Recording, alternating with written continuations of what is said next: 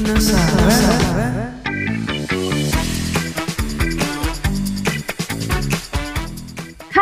welcome back to J Talk, Jedutun Talk, podcast terbaru dari JSM yang tetap setia menjawab pertanyaan-pertanyaan seru dari kamu anak muda. Kalau di episode 1 kemarin kita udah membahas rasa penasaran kamu, gimana sih dapet jodoh? Aku dapet jodoh dari mana kalau di rumah mulu ya kan? Nah, di episode kedua kali ini kita mau menggali lebih dalam lagi nih. Kalau misalnya kamu udah punya calon pasangan, udah punya gebetan, udah punya pacar yang serius, tapi kamu masih ragu nih, penasaran, apakah dia orang yang pas buat kamu, atau apakah kamu pas buat dia? Nah loh, anak-anak muda sekarang kan gitu, kalau ditanyain kelebihannya pacar kamu apa sih? Oh iya, baik, sabar, penyayang, seiman, rajin. Boleh lah ya beberapa ditentang. Nah, tapi kalau ditanyain kekurangannya apa? Waduh, banyak banget tuh catatannya ya. Kadang aku heran loh, kamu menilai pasangan apa mau belanja bulanan? Uh, lebih panjang loh daftarnya dari struk ini kalah lewat. Nah, tapi kalau kita belanja bulanan aja, kan kita harus beli banyak barang ya, sampai puluhan macam untuk bisa memenuhi kebutuhan serumah kamu. Nah, calon pasangan kamu ini cuma satu loh, bukan puluhan orang. Tetapi kamu mengharapkan dia untuk bisa jadi everything for you, untuk bisa melakukan apa aja buat kamu. Contohnya ya, duh lagi enak badan nih, terus kamu, sayang, aduh berobat ke mana nih, ke dokter mana ya, duh pusing nih sakit apa, udah parno duluan. Nah terus lagi kamu lagi banyak tugas kerjaan numpuk, terus kamu minta tolong buat dibantuin semuanya. Kamu lagi kesel, lagi galau, lagi mau marah-marah, terus kamu panggil dia buat curhat dan kamu lampiaskan unek-unek kamu sama dia. Hello, kamu nyari dokter apa nyari pacar? Kamu nyari karyawan apa cari pasangan? Kamu nyari samsak buat ditinju-tinju apa nyari pacar? Penyakitnya anak muda sekarang ya gitu deh maunya banyak banget, sampai pusing. Tapi kalau ditanyain, kamu sendiri bisa nggak melakukan semua itu buat pacar kamu? Hmm, belum tentu. Sibuk, capek, apa minta tolong orang lain.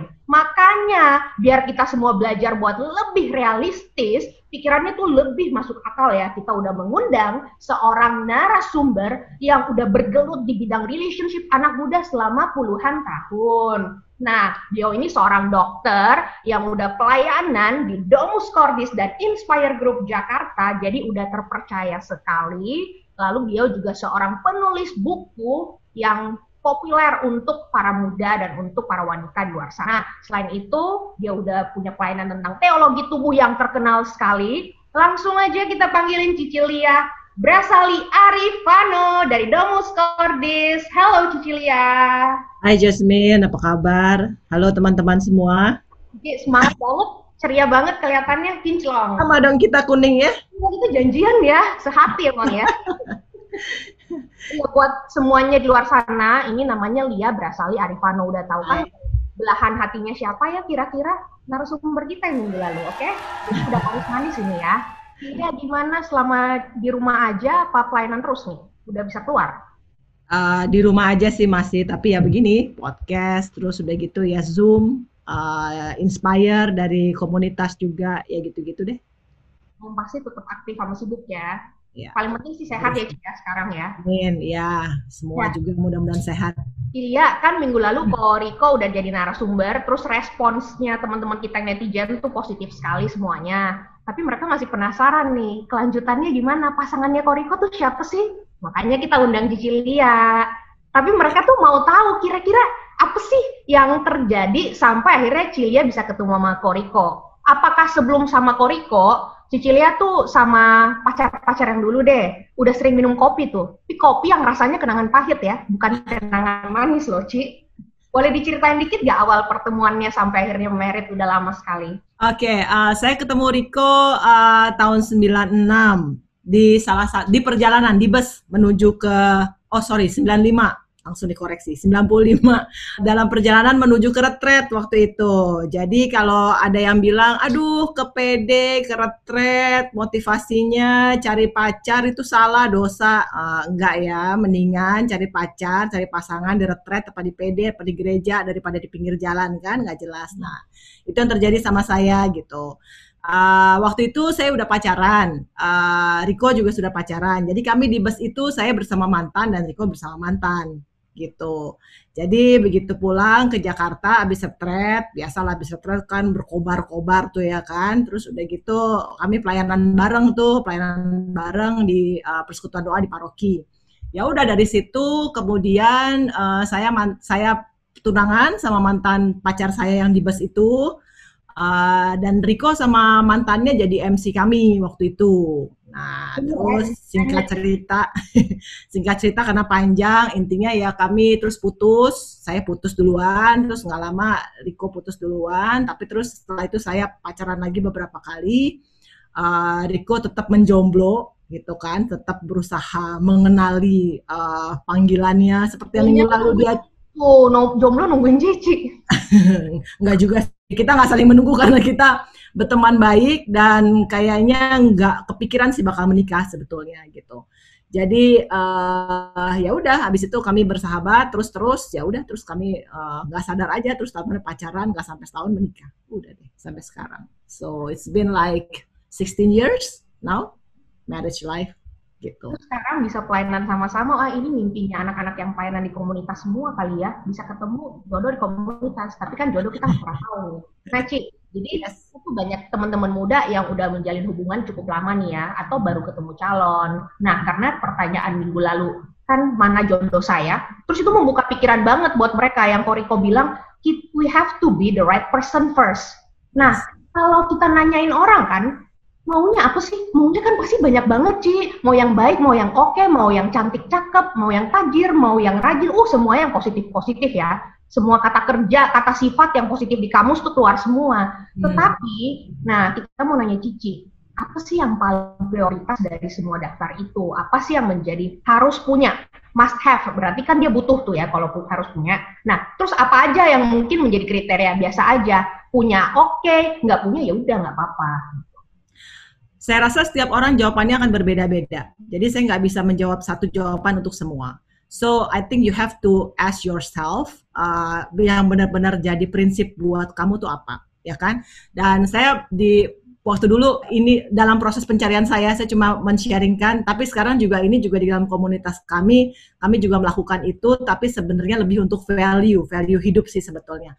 Tapi kalau dalam konteks saya waktu itu waktu saya men menanyakan sebenarnya saya itu butuhnya apa dan saya nanya itu setelah 9 tahun pacaran. Nah, telat ya waktu itu ya telat banget gitu karena ya usia juga sih mempengaruhi gitu kan. Jadi waktu itu saya udah umur 23 tahun mulai mencari nih, saya sebenarnya sukanya apa sih?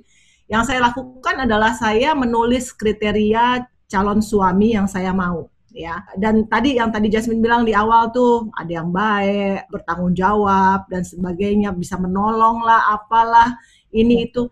Ya saya mempertanyakan kalau kriteria saya itu ya apa bedanya saya nikah sama apa ya office boy misalnya. Mereka juga menolong kan baik hati juga jujur juga ada aja gitu orang di mana-mana yang seperti itu. So I think I, I have to go more detail on it. So jadi saya nulis di kertas waktu itu.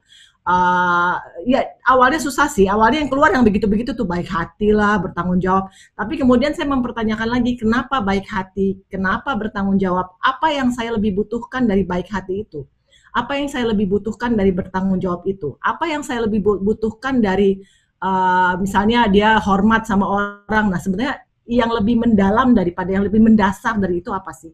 Ya waktu saya dapatkan dari pertanyaan itu saya tulis di kertas. Misalnya contoh ada 20 lah kriteria ya kan?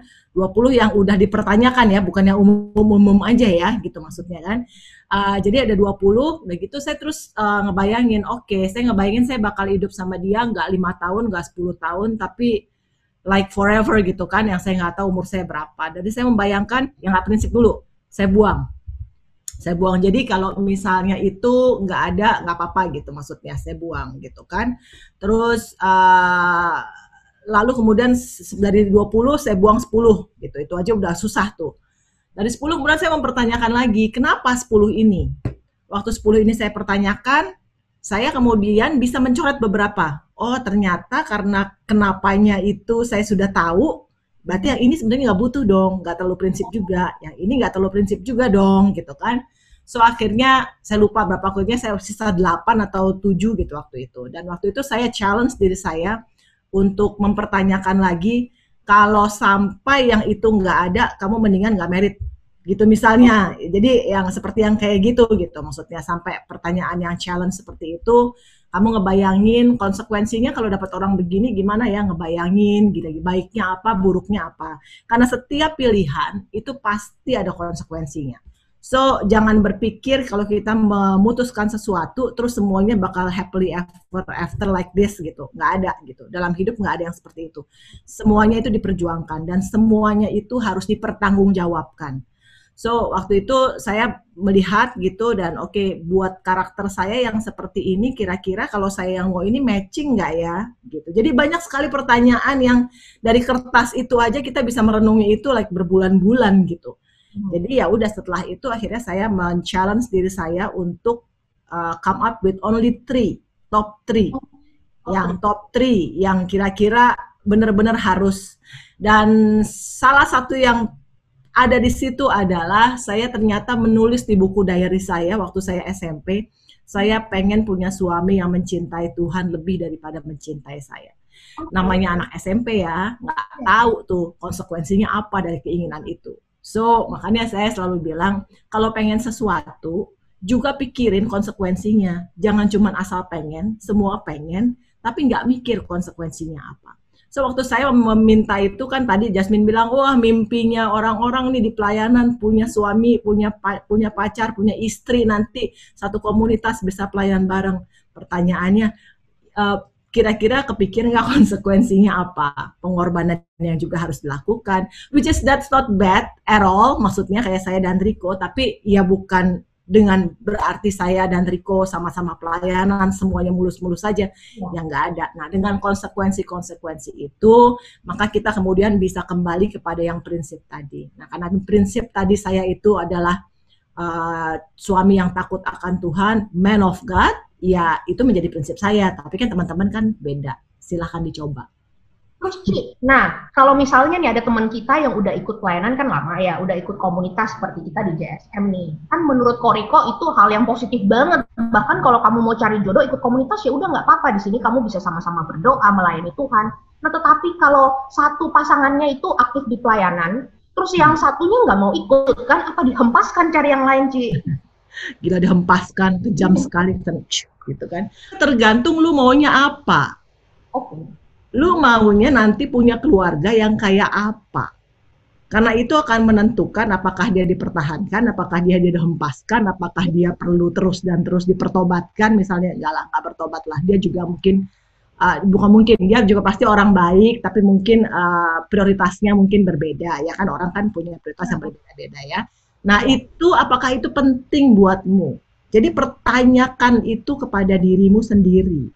Apa yang penting buatmu? Masalahnya tadi, kayak saya tadi, 9 tahun udah pacaran baru mikir. Benar. Nah, ya kan udah 9 tahun. Ya, saya tadi bilang soal umur, karena saya pacaran tuh umur 15 tahun. Oh. Nah, umur 15 tahun, ya nggak ngerti apa-apa lah ya. Yang penting kan dapet cowok. Waktu itu mantan saya calon ketua OSIS oh. badannya keren, bahkan di sekolah gitu kan, lumayan kan ngedongkrak kepopuleran kita kan ya waktu SMA kan. Anak SMA kan mikirnya cuma gitu kan, tapi kemudian along the way udah mulai mikirin tunangan, mikirin mau jadi istri, mulai tuh rasa itu mulai tanya, oke okay, sebenarnya yang penting buat saya apa ya? Nah, so you have to know what you want. Apa yang kita mau dalam hidup ini keluarga yang seperti apa yang kita mau dan cowok seperti apa yang mau kita kita bikin kita bikin kita jadikan suami dan cewek seperti apa yang mau kita jadikan istri. Nah itu yang paling penting. Nah, Ci, lebih penting lihat kepercayaannya dia, apa karakternya. Nah, karena orang-orang, ya kita kan jujur aja nih ya, mungkin yang seiman belum tentu juga karakternya baik loh yang nggak seiman bisa aja karakternya baik. Nah ini tuh selalu menjadi pergumulan anak muda sekarang, terus mungkin juga pergumulan dari family ya, apalagi mungkin yang dikenalin, dijodohin, biasanya kan belum tentu seagama. Nah ya, lihatnya tuh dari mana sih? Ini sebenarnya sama aja pertanyaannya sama yang sebelumnya. Hmm. Uh, seberapa penting kayak kita ya, kita Katolik nih. Di hmm. Katolik kan kalau ya sama sama saudara-saudara kita yang di Kristen kan mungkin satu yang menjadi poin adalah Bunda Maria misalnya. Contoh ya, contoh ini cuma contoh. Uh, waktu saya, uh, kalau saya memang dari dulu punya prinsip saya agamanya apa, dia harus agama sama saya. Nggak ada nggak ada patokan apa-apa. Itu udah prinsip buat saya dan itu penting karena saya nggak mau pusing orangnya. Saya nggak mau pusing, nanti saya ngebasaran anak saya yang satu mempertanyakan ini, satu yang mempertanyakan itu gitu. Dan terus begitu anak saya makin kritis dan kemudian bertanya, yang mana yang lebih benar, mam? Yang ini apa yang itu? Mami punya apa Dedi punya? Misalnya seperti itu. Aduh, buat saya, saya ngebayangin itu aja udah males banget deh gitu kan. Uh, mendingan saya uh, dihindarkan dari yang kayak. Cuman kalau buat Riko misalnya salah satu uh, Riko tuh suami saya maksudnya. buat dia penting sekali dia punya istri yang sama-sama menghormati Bunda Maria. Dan itu juga jadi satu value buat dia yang sangat kuat. So karakter kemudian mengikuti pastinya. Kalau seagama tapi karakternya nggak cocok ya tetap aja enggak. Ya. Gitu, ya kan? Tapi kalau nggak seagama, balik lagi penting apa enggak? Maksudnya ini dalam konteks Riko ya, tapi mudah-mudahan ini bisa dijadi contoh buat teman-teman. Dalam konteksnya Riko, pen, uh, kalau misalnya karakternya oke, okay, tapi kemudian dia harus tanya ke dirinya sendiri. Buat saya penting apa enggak ya seseorang yang bisa saya ajak bersama-sama Rosario misalnya. Hmm. Kalau misalnya itu penting dan itu dear to your heart, ya udah terpaksa ya mungkin kita harus kemudian berdoa lagi dan menunggu lagi. Itu sih kira-kira. Terus Ci, nah hal-hal apa aja sih yang sebaiknya pasangan lakukan waktu mereka tuh lagi saat-saat PDKT atau penjajakan? Kan Koriko bilang make many many good friends. Nah, jangan langsung pacaran aja katanya karena satu juga mungkin pacaran kan ya waktunya habis juga. Terus yang kedua kalau pacaran kan ke bawah suasana cinta-cinta, oh cinta buta, itu udah lupa nih kekurangannya apa, kelemahannya apa. Jadi kalau kita berteman sebaiknya menghabiskan waktu ngapain sih? Berteman sebaiknya menghabiskan waktu untuk berkenalan lebih lanjut. Jangan cuma oh. main, jangan punya hangout, tapi observe. Jangan cuma shallow friendship, hmm. tapi kemudian berusahalah untuk mengenal. Contohnya nih, uh, di TOB itu ada yang namanya piramida relationship. Di piramida relationship itu sebelum sampai kepada top yaitu uh, intimacy atau seks, itu kan sebelumnya pasti marriage ya. Tapi di situ sehabis friendship itu yang kedua itu adalah uh, berkenalan dengan keluarga.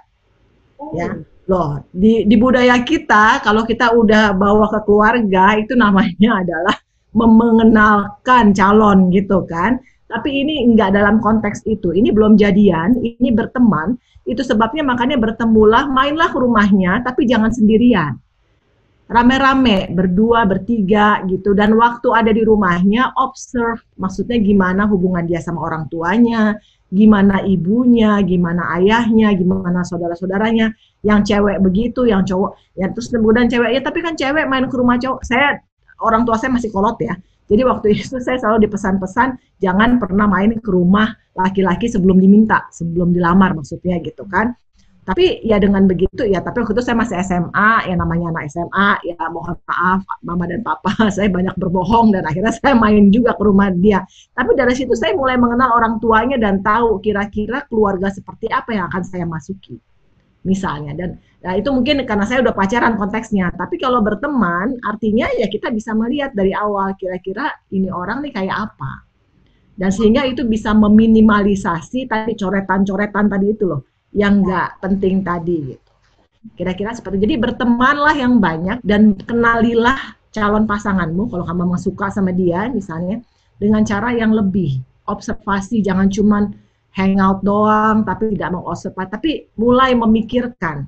Nah, tapi itu baru baru bisa kira-kira poin apa yang mau saya pikirkan kalau kita tahu apa yang kita mau sebetulnya. Karena kalau kita nggak tahu apa yang kita mau, apa juga yang mau diobserve? Nah. Apa juga yang apa juga yang mau diperhatikan, apa juga yang mau dicocokkan, apakah dia cocok dengan saya apa? Nggak ada, nggak bisa. Karena apa? Karena memang kita nggak tahu. Jadi ya itu yang terjadi selama saya 9 tahun, ya jalan-jalan aja gitu ya jalan pacaran ter kalau mau udah waktunya umurnya nikah ya nikah gitu jadi mending dari awal temenan kita udah terang-terangan ya nanya karakter aku seperti ini aku maunya ini cita-cita aku value-nya prinsipnya lalu tanya aja sama lawan yang di sana ya mendingan gitu kan jadi Iya dong, biar cepat ya. tahu. Iya sih, tapi yang penting caranya. caranya. Jangan sampai kayak perempuan begitu kan ngeri ya. Laki digituin juga kabur kali ya, gitu kan. Jadi uh, mungkin misalnya kalau misalnya lihat sesuatu, misalnya lagi lagi ngopi lah, lagi di coffee shop gitu, terus udah gitu lihat misalnya uh, ada waitersnya nganterin sesuatu, kita kan bisa memperhatikan apakah dia memperlakukan waitersnya dengan dengan hormat, misalnya bilang thank you apa gitu. Terus apakah dia kira-kira matanya gimana jelalatan, apa kemudian memperhatikan perempuan dengan dengan dengan dengan santun misalnya. Yang cowok juga lihat dong perempuannya itu kalau ngomong mulutnya bisa dijaga dijaga apa enggak, apakah apa-apa dikit nyumpah-nyumpah kebun binatang misalnya, lalu kemudian cara berpakaiannya, yang seperti itu kan bisa diperhatikan dulu. Gitu.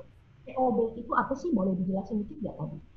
Teologi TOB itu adalah pengajaran yang dibawakan sebetulnya oleh Santo Yohanes Paulus II dalam kurun waktu antara tahun 70 sampai 80-an Nah, itu menjelaskan soal bagaimana kita menghayati uh, tubuh kita dan bagaimana menghayati panggilan kita sebetulnya sebagai uh, manusia untuk untuk mengetahui sebetulnya kita diciptakan tuh buat apa gitu. Jadi lebih nanti nanti aplikasinya juga dalam pengertian itu aplikasinya bisa nanti dalam relasi gimana, dalam marriage gimana, bahkan dalam menghayati panggilan sebagai seorang single gimana, seorang biarawan-biarawati gimana gitu. Aplikasinya bisa sampai ke situ dalam pengertian yang sama. Jadi ini sebenarnya ajaran dari Santo Yohanes Paulus kedua kalau dalam berhubungan udah cukup lama dan kita mungkin insting kita tuh mengatakan ada sesuatu yang kurang dari orang ini. Nah, tetapi mungkin kan ya kita kan bisa bikin kayak Cici bilang prioritasnya mungkin ada 10, akhirnya dieliminasi-eliminasi sisa tiga. Nah, udah kurang lebih oke, okay, tapi ada satu hal yang kita rasa, aduh belum cocok nih ininya. Biasa kan orang karena hal kecil aja ya, Ci ya. Gimana nih cara mengatasinya selain berdoa gitu loh? Hal kecil. Jadi ini bukan yang prinsip. Bukan. Konseling Jadi, nggak sih buat anak-anak muda oke okay nggak ya? Konsultan. Yang ngobrol aja, kayak misalnya uh, ada sesuatu hal kecil yang menurut kamu nggak prinsip, tapi kamu terganggu misalnya. Ya diobrolin, diobrolin dan ini melatih kita berkomunikasi sebetulnya. Karena nanti dalam kehidupan pernikahan kalau emang jadi menikah akan banyak sekali hal yang kita temukan seperti ini. Dan kita udah nggak bisa ke mana-mana. Udah nggak ada way out kan kalau udah married kan. So dari pacaran ya kita harus belajar untuk mengkomunikasikan itu. Kalau saya dulu ini ini mungkin hal kecil ya tapi buat saya masalah. Saya waktu itu salah satunya yang saya nggak tahan adalah saya tuh paling nggak tahan kalau ada orang yang makan bakmi, kan mie ujung pandang terkenal nih kan ya, agak keras, agak gede-gede. Terus dimakan tuh di seruput tuh nggak? Itu saya bisa merinding sampai di bulu kuduk berdiri semua gitu. Itu mungkin nggak penting, itu hmm. mungkin nggak penting. Tapi itu mengganggu buat saya oh. sampai satu titik di mana saya nggak tahan lagi. Nah sayangnya waktu itu itu baru keluar setelah 9 tahun dan setelah saya menemukan hal yang banyak yang lebih prinsip yang lebih mendasar untuk membuat saya putus. Tapi itu sangat mengganggu tapi saya udah malas berkomunikasi. Tapi kan hal seperti itu sebetulnya bisa dikomunikasikan kan. Bisa bilang, ah, tolong dong, saya tuh nggak enak, nggak tahan, nggak biasa aja dengar orang makan bakmi seperti itu gitu. Maksudnya bisa nggak supaya lebih pelan-pelan? Daripada dulu. kita diam-diam, dipendam sendiri, mending dibicarakan aja ya apa yang kita suka, kita suka. Bener gitu. Yang penting caranya. Oh. Caranya, waktunya, nah itu sangat penting. Caranya kan intonasi nada, muka kita, ya itu kan caranya minta tolong dan sebagainya itu kan harus dipelajari ya. Jadi apakah pasangan yang tepat menerima kita apa adanya atau memberikan kita kebebasan menjadi diri sendiri atau dia membuat kita menjadi pribadi yang lebih baik? Nah ini mungkin kan pertanyaan refleksi untuk tiap orang ya pasangan itu membuat dia jadi seperti apa sih? Buat saya seseorang yang tepat adalah bila seseorang itu bisa memberikan yang terbaik out of himself atau herself. Kalau saya sih membiarkan saya menjadi diri saya sendiri, tapi tetap memberikan masukan kalau dinilai ada sesuatu yang nggak benar. Ya, membiarkan kita jadi diri sendiri kan bukan berarti kita bisa membiarkan orang semena-mena kan, gitu iya. maksudnya seenak-enaknya. Tapi waktu kita melihat apakah itu uh, punya konsekuensi di mana itu tidak sesuai dengan dengan perintah Allah, dengan perintah Tuhan, atau kemudian punya tendensi untuk jadi akhirnya ke sana, jadi jadi akhirnya berdosa, dia tidak ragu-ragu untuk mengajak kita diskusi dan ngasih tahu. Karena apa? Karena dia menginginkan kita melakukan yang paling baik, yang terbaik untuk diri kita sendiri. Dalam konteksnya adalah kita sebagai anak Allah gitu. Itu sebabnya makanya penting punya pasangan cowok atau cewek yang sama-sama punya prinsip untuk mau hidup benar di hadapan Tuhan sehingga kita bisa saling mengkoreksi satu sama lain. Balik lagi caranya ya, cara itu penting gitu. Nah, kalau blessings from parents penting nggak? Kan ada firman yang mengatakan kita harus hormati ayahmu dan ibumu supaya lanjut umurmu di tanah yang diberikan Tuhan kepadamu. Tapi kan mungkin aja jalan pikirannya kita sama jalan pikiran orang tua kita tuh beda. Belum tentu benar orang tua, belum tentu benar kita juga. Jadi bagaimana nih menyikapinya? Uh, buat saya pribadi blessing from parents itu perlu, oh. ya. Uh, tapi balik kembali, kadang-kadang ada orang tua, gini lah, menjadi orang tua itu nggak ada sekolahnya. Mereka juga berusaha menjadi yang terbaik prinsip yang kedua kita punya kepercayaan orang tua kita itu sayang sama kita. So apa pun yang mereka putuskan atau utarakan, mereka pasti maksudnya adalah yang terbaik buat kita. Ya. Masalahnya kadang-kadang uh, mereka belum mengenal pasangan kita, sehingga mereka kemudian punya pendapat tertentu yang kemudian tidak sejalan sama yang kita harapkan gitu. So uh, mungkin kalau buat saya itu pertama jawabannya perlu, tapi yang kedua kalau misalnya orang tua kita itu bilang no tanpa beralasan, ditanyakan kenapa sih nggak sukanya, emang ada apa gitu.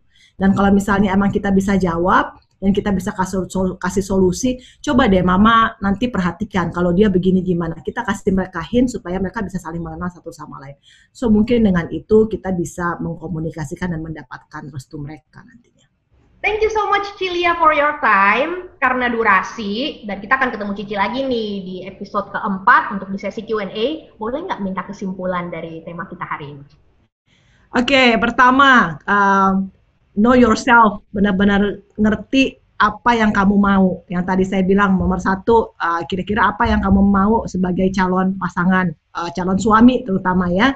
Uh, bikin tadi list yang tadi saya cerita itu, itu yang pertama. Yang kedua, um, kan udah pacaran nih, uh, dievaluasi. Apakah kalian itu menjalani satu relasi yang berbuah atau enggak? Atau semuanya malah jadi self centris apakah pacaran ini menjadi berkat buat sesama uh, menjadi berkat juga buat keluarga? Pasangan ini ber, apa hubungan kita itu hubungan relasi kita itu menghasilkan buah uh, buah-buah roh dan sebagainya damai sejahtera sukacita. Itu yang kedua. Yang ketiga coba diobservasi apakah pasanganmu, either itu cewekmu atau cowokmu itu menghormati kamu. Yang cewek, kalau emang dari awal itu cowok udah ada abusive omongan, abusive apalagi fisik, udahlah that's it lah. Mau cocok nggak cocok, udah that's it. Nah yang cowok juga, yang cewek ini kira-kira juga menghormati kamu apa enggak? Artinya apakah dia itu berusaha untuk mendukung kamu dalam menjalani misi kamu atau uh, sehari-hari dia tuh percaya sama kamu kalau punya cewek cemburuan kan pusing juga ya. Nah, ini tiga hal yang mungkin bisa usul saya bisa diperhatikan untuk menilai apakah kamu cocok apa enggak dalam hubungan kamu. Itu sih Jasmine. Thank you so much Cilia. I'll see you next time. Sehat selalu ya Cia. Salam Sama-sama. buat Thank you.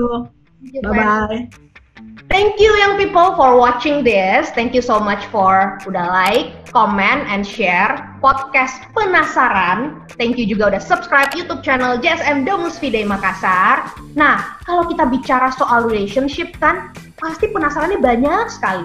Dan ini baru episode kedua loh dari tema besar kita relationship yang akan tayang sampai bulan Agustus di YouTube channelnya JSM. Karena itu kalau kamu punya pertanyaan apa aja, silakan komen di kolom komentar di YouTube yang akan kita jawab di sesi Q&A di episode keempat. Ingat buat ajak semua teman-teman kamu, calon pasangan kamu, gebetan kamu, keluarga kamu, tetangga kamu, bahkan teman kerja kamu buat nonton nih. Jadi semakin banyak anak-anak muda di luar sana yang terberkati. Thank you so much. See you next time. Stay safe, stay healthy ya. Bye.